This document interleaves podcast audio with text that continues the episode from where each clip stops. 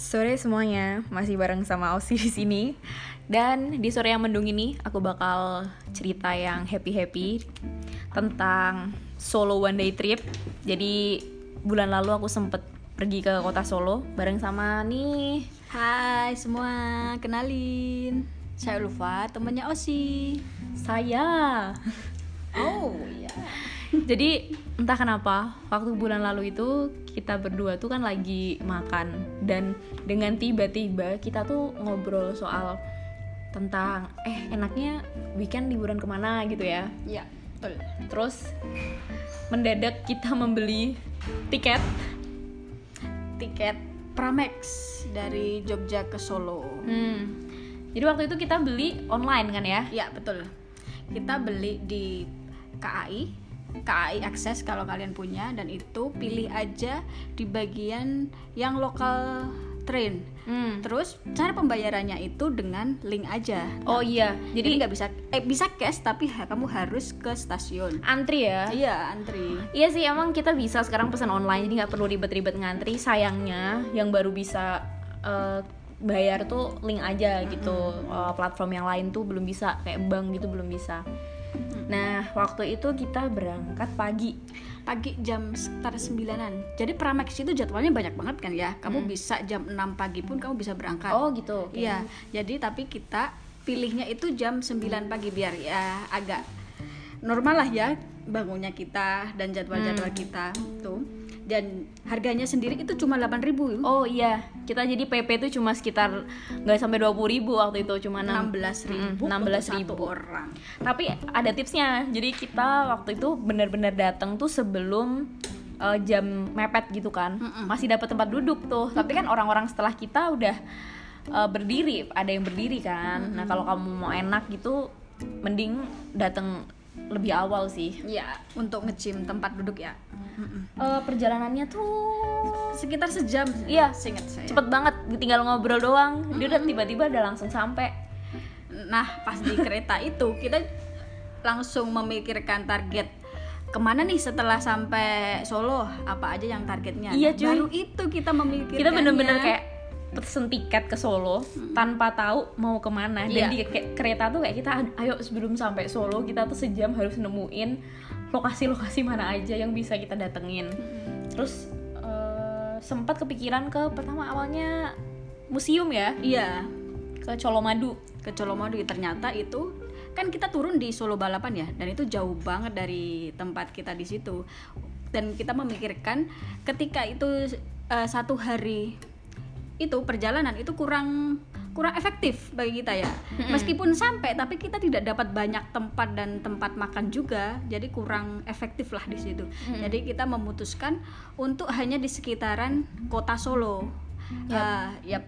dan di situ sesampainya di Solo balapan kita sekitar jam 10 kan ya? Lapar tuh. Lapar terus kita langsung brunch dan itu depan stasiun pers sekitar tiga menit jalan atau sampai Ah, dua iya. menit ya? Turun stasiun keluar terus kita jalan kaki. Itu kita juga eh, tahu tuh dari review Google waktu itu. Jadi kayak ada beberapa rekomendasi kuliner Solo gitu kan. Kita makan nasi kare. Ka- kare apa kari ya? Kare.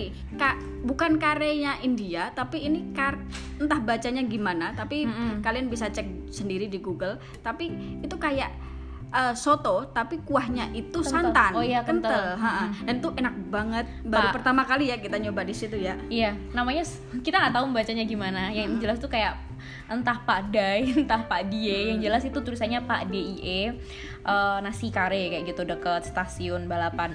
Harganya nggak begitu mahal nggak mahal sih malah Iya. menurutku. Iya kita berdua cuma 20-an sekian ya? 27.000 ribu berdua. Mm-mm, dan itu udah nasinya, kenyang. ha. Mhm. dan kalian harus coba tempenya di situ. Aduh garing banget enak sumpah. Asin. sama kerupuknya gila gila gila gila. Kerupuknya itu kerupuk nasi. Dan itu kayak kalau istilah ada yang nyebutnya gendar. Tapi itu kerupuk nasi gitu. Yang tipis kotak. Gitu sumpah masih inget rasanya itu Iya, kerupuk. bener. Dan waktu di mana di tempat makan tuh juga kita masih belum nemu Iya. tempat yang tepat untuk pergi. Terus kita mikir kayak eh ke mana ya? Nah kalau Jogja karena kita tinggalnya di Jogja terus di Jogja kan ada keraton nah di Solo kan juga ada terus kita ke Mangkunegaran Hmm. pertama langsung kita ke Mangkunegaran nah di situ itu enak banget sekarang itu udah uh, ada beberapa bagian yang baru ya tetapi masih banyak yang lawas-lawas gitu ya kita bisa nikmati di situ. Di- dan beberapa spot itu instagramable banget di situ. Ketika kamu masuk ke situ itu ada tour guide-nya di situ. Langsung ada kita ditemanin tour guide berapa orang kita ke sana. Terus sama tour guide-nya kita nelusurin tuh ruangan-ruangan dan diceritain sejarah-sejarahnya. Menarik itu saya ingat sejarahnya adalah warna tegelnya keraton itu berubah warna kayak dari- jadi nggak dari putih terus jadi agak kecoklatan. Ternyata di mereka itu sempet kena banjir di situ. Jadi agak ada coklat-coklat warna gitu ya banjir pengaruh gitu. alam. Iya. Tapi untuk apa eh, tiketnya sendiri juga nggak mahal sih. Nggak mahal tapi tergantung kamu datang weekend atau weekday. Ya semua itu emang tergantung sih habis dari sana kan kita muter-muter karena nggak begitu gede juga Iya, ya. nggak gede maksudnya nggak sampai berjam-jam di sana. Mm-hmm. kita lanjut ke museum keris. Ke museum keris. Itu parah Nah, banget itu sih. parah sih. Gila. mungkin mungkin orang tuh ngelihatnya kayak ngapain sih hari gini masih ke museum? Museum keris lagi. Apa yang mau dilihat? Tapi itu itu menurut aku eh, museum yang niat. Mm-mm. jadi museum keris tuh niat banget dari mulai kita eh, pertama masuk itu udah yang bangunannya sebagus itu dan resepsionisnya juga ramah dan kita langsung di apa eh, dijelasin kayak harga-harganya dan itu murah sih hitungannya. murah murah juga itu sepuluh ribu Iya, sepuluh ribu dengan ruangan yang ber AC, beras ada liftnya dan koleksi kerisnya juga bagus dan ceritanya juga lengkap sih. Itu menurut aku, aduh itu ma- niat banget yang bikin museum itu baru sih, baru tahun kemarin kayaknya. jadi itu museum itu bentukan kota Solo ya. Jadi dari dinas kebudayaan Solo dan itu memang niat banget. Dia pengen menyatukan semua keris yang ada di wilayah Jawa khususnya ya. Ya itu ada di museum itu rencana itu. Koleksi-koleksi dari orang luar pun diterima di situ. Betul. tidak hanya keraton milik keraton-keraton kayak gitu. Jadi selain belajar di situ soal keris dan semacamnya dan beberapa spot itu instagramable banget sumpah. Iya benar. kalian harus ke sana untuk Mm-mm. foto sudut-sudut kayak Bataviaan gitu ya Iya. ada rumah-rumah gitu Jadi ya di luar di luar museumnya tuh juga kayak ada kompleks apa souvenir kayak gitu dan itu bangunannya bangunan lama. Mm-mm. Itu juga perlu dicoba. Setelah dari museum bingung lagi nih. Karena mau makan tapi tadi udah kenyang. Terus kita mikirin nih makan makan dulu apa ke mana dulu. Terus kita ingat ada salah satu selebgram gitu yang upload foto tuh unik banget gitu loh. Kayak tempat-tempat yang klasik-klasik gitu. Jadi kayak ada bangun eh, apa namanya ornamen orn- ornamen kayak misal lampu kuno terus kayak benda-benda yang langka gitu kita akhirnya nyari apaan. Nah ketemulah pasar Triwindu di situ. Dan itu deket sama yang ini dari keris itu museum keris. Itu tidak pakai kita kemarin pakai gokar ya itu nggak sam 5 menit lah 5 menit sampai 10 menit. Tapi nggak nggak sampai jauh banget. Harusnya kita tuh keraton terus Triwindu sih. Iya. tapi karena kita nggak kepikiran jadi eh, Triwindunya malah setelah museum keris tapi Triwindu tuh gratis. Kalau kalian eh, lihat di sta- Instagram atau di YouTube tuh banyak yang udah ngevlog atau f- upload foto tentang Triwindu dan itu tergantung apa ya sudut pandang kita ngambil fotonya tapi di mana pun bagus sih menurut aku Gila, ma- bagus banget sih emang. Itu kayak ngejual barang-barang Langka ya? langka gitu, kuno-kuno gitu dan ya, kita bisa menemukan hal-hal yang aneh-aneh di situ kan. iya dan orang itu nggak apa-apa Iya. maksudnya Kemarin kamu dapat ini kan eh, postcard. Postcard, Iya, ha. karena aku emang suka koleksi postcard kan. Terus aku kayak nyoba mencari di Triwindu dan dapet ya udah sekalian foto-foto aja. Dan itu aduh fotonya bagus deh tinggal di apa ya dikasih mungkin diedit warna. Karena kan pasar Triwindu kan agak gelap karena banyak barang-barangnya gitu. Jadi tinggal kita sesuaiin aja warnanya mau kita cerahin atau gimana kayak gitu. Tapi unik banget itu pasar unik banget, bagus banget. Hmm. Terus habis dari situ nih kita agak lapar deh dari situ. Nah iya kita tapi belum mau makan berat. Mm-mm. Jadi kayak mau kayak snack apa ya makanan ringan gitu. Terus kita dapat em, takoyaki Iya, itu yang viral banget di Solo. Kita sengaja ke sana karena kita penasaran banget itu di Mm, situ. Kalau yang takoyaki tuh pernah kita lihat orang review dan pernah diundang juga ke hitam putih kan waktu Betul, itu betul. jadi kita beneran gak sih seenak itu semantap itu gitu kan Terus kita juga penasaran sih karena yang bikin itu orang Jepang asli. Mm-mm. Kita kan selama ini makan makanan Jepang yang bukan yang da- bukan dari eh, orang Jepang aslinya, Chef Jepang. chef Jepang. Nah, nah kita ke situlah itu dan itu ja- ag- agak jauh dari tempat ke kita dari tempat Triwindo itu. Tapi lumayan ya. Eh, Sekitar 10 menit ya. Oh iya. 10-15 menit ya. Mm-mm. itu jadi kayak apa namanya si takoyaki tuh nggak di pusat kota jadi kayak di pemukiman warga biasa gitulah Ha-ha. Pucang sawit seingat. Mm-mm. Seingat Jadi kami. dia di kampung orang biasa gitu, tapi ada orang Jepang yang uh, dapat istri, uh, punya istri orang sana. Terus akhirnya waktu kita sampai sana itu belum jam tiga oh enggak, jadi kita tuh siang jam satuan sampai sana. Nah, bukanya itu jam 3 Iya, bukanya jam 3. Jadi kita lihat di Google kan, bukanya jam berapa sih? Jam 3. Nah, unik apa namanya? eh, uniknya ada salah satu komen tuh yang bilang, "Apaan? Jam 3 tuh udah tutup." Terus kita kayak, "Hah? Maksudnya kayak gitu." bukan jam 3 itu udah habis Oh iya, udah apa close order. close order gitu. gitu Akhirnya tuh sampai eh, sana kita jam satuan gitu. Kita tanya dong. Beneran orangnya bilang, "Iya, udah habis, Mbak."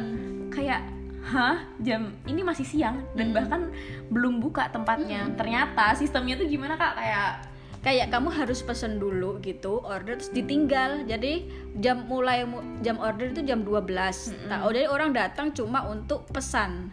Terus nanti ditulis sama pegawainya di situ. Terus udah nanti jam 3 atau jam 4 nanti janjian aja. Mau diambil jam 3 jam 4 atau jam apa tapi di atas jam 3 mm-mm. kayak gitu. Mm-mm. Jadi eh, waktu itu tuh kita kayak mikirnya, oh jadi harus ini ya, harus jam 3 ke sananya gitu. Terus ternyata eh, masnya bilang, enggak kok nggak harus jam 3 mbak, tergantung tergantung mbak mau ke sini jam berapa. Misalnya mbak mau ke sini jam setengah 4 bilang aja. Jadi yang penting kita udah dapet apa ya? Yang penting nama kita itu udah di list sama penjualnya dan kita pasti akan dapet si antrian takoyaki itu. Nah, waktu ke sana kita tuh nggak cuma pesen takoyaki. By the way, harga takoyakinya tuh gila sih. Harga takoyakinya itu 5000 satu porsinya. Terus kita akhirnya beli juga gyoza. Kita beli juga waktu itu ramen. Pokoknya kita cobain satu persatu apa namanya menu dari si takoyaki Tuan Hiroshi ini. Dan kita mikirnya kan bakal kayak mahal banget kan si apa namanya makanan di sana. Ternyata enggak sih. Kayak cuma 11.000 ribu, 12.000 ribu, terus gyozanya cuma 5.000 ribu, 10.000 ribu. Nah tapi kan tadi kita ada waktu nunggu tuh. Karena kita sampai sana jam 1 terus eh warungnya tuh baru buka jam 3 nah kita akhirnya bingung kan apakah kita akan stay di warung itu sampai nunggu buka atau kita mau pergi dulu terus balik lagi nah akhirnya kita cari di Google itu ada kayak wihara gitu loh jadi di deket pemukiman itu itu kayak ada tempat ibadah gitu. Nah, kita coba jalan kaki lah ke sana ke wihara itu. Dan tempatnya bagus. Menurut aku sih tempatnya bagus dan semua orang tuh bisa bisa dan boleh masuk ke sana. Jadi kita istirahat di sana, ngadem di sana, eh, foto-foto di sana juga. Dan setelah foto-foto, terus kita kayak itu kita ke sana jalan kaki kan. Nah, Habis itu kita balik lagi deh ke Tuan Hiroshi itu pas jam 3 kurang. Kayak kurang 10 menit gitu. Ya udah, akhirnya kita makan di sana dan itu kebetulan hujan deras. Jadi kita langsung makan. Kalau masalah apa? eh, ngobrolin soal rasa ya.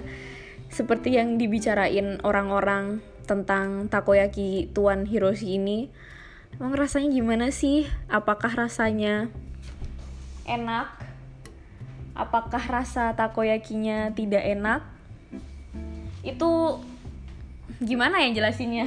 Rasa takoyakinya? Dia itu isiannya cuma satu kan ya eh, gurita ya. Dan itu full banget isinya. Mm-mm. Ah, ah. dan emang enak banget sih. Emang agak beda sama yang jual di luar yang bukan orang Indonesia.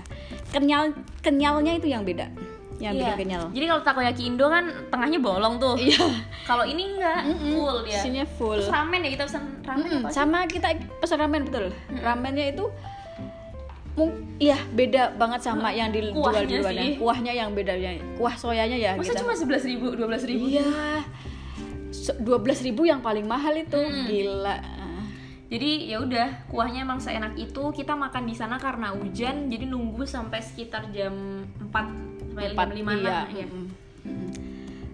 Tapi terus habis itu kita belum pulang jadwalnya belum pulang Hmm, kita belum selesai tuh. Nah, kita balik lagi di daerah yang Triwindu di daerah Ngarsopuro. Mm-mm. Kita kan niatnya malam mau ke night market Ngarsopuro karena kita datangnya di hari Sabtu. Nah, Mm-mm.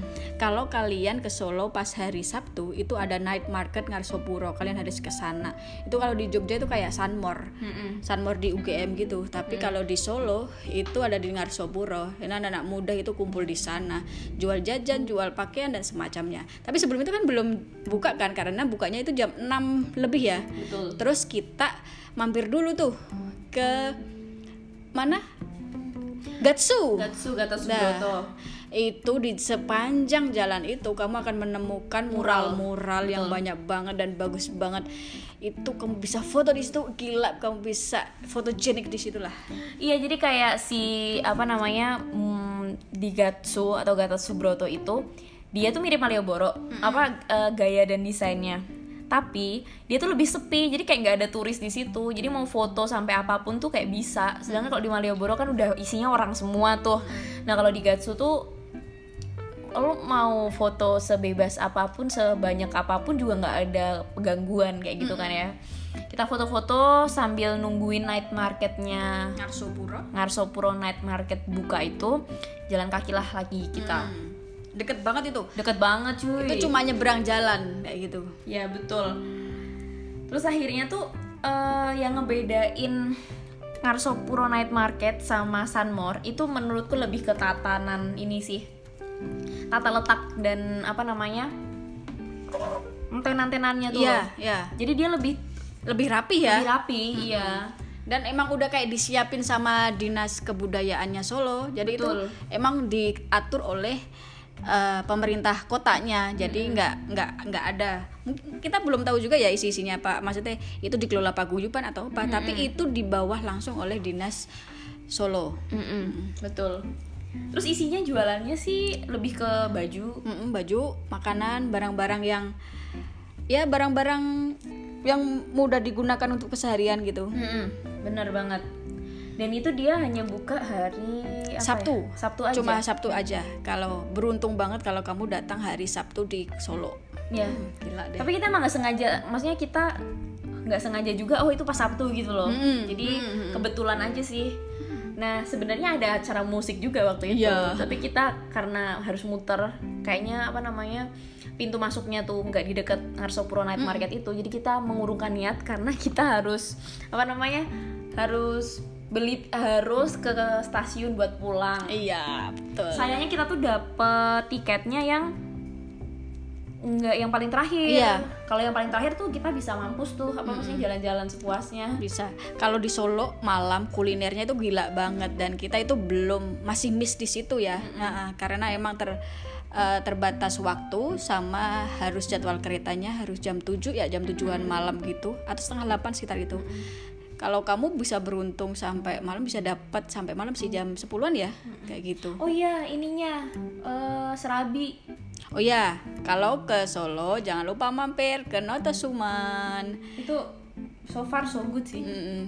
Tapi di situ itu belinya ya udah beli langsung bawa pulang itu kayak semacam tempat oleh-oleh gitu. Jadi nggak ada tem ada sih tempat duduk-duduk tapi nggak iki nggak direkomended untuk di sana sih dimakan di sana nggak nggak direkomended. Kalau yang selat itu Nah iya kita belum cerita selat ya. iya padahal kan agak so- agak sore itu sebelum kita ke Ngarsopuro kita itu di ke Selat Solo Mbak Lis tapi kita Iya. yang di Balis gila itu eh, apa namanya tatanan restorannya di situ. Waduh gila. Itu keren banget kalau Dan kamu foto-foto. dan tempatnya tuh kayak nggak cuma tempat makan tapi kita bisa menikmati eh, desainnya lokasinya rasanya udah pasti sih. Tahu pasti.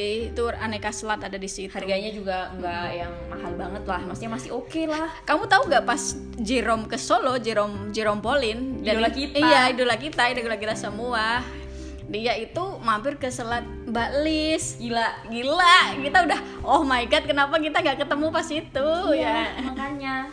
Tapi anyway, kita akhirnya ke stasiun dan lega. Kita pulang dengan selamat sampai Jogja dan langsung tidur. ya Dan pada akhirnya kita paginya menyesali kenapa hanya tempat-tempat eh, itu. Harusnya besok lagi kita mungkin bisa Sabtu Minggu tuh. Mm-mm. tapi kalau menurutku ya kalau kita dua hari itu juga akan melelahkan Bosen, tapi bosen antara ah. bosen sama capek sih. Ah, ah, jadi emang enaknya di satu hari itu itu efektif terus kayak ada yang masih puas tapi masih ada Pengen ke sana kurang lagi. pengen ke sana Nah. lagi ha. Maka dari itu, tunggu cerita kita selanjutnya di solo trip, solo one day trip yang selanjutnya. See you, bye-bye. bye bye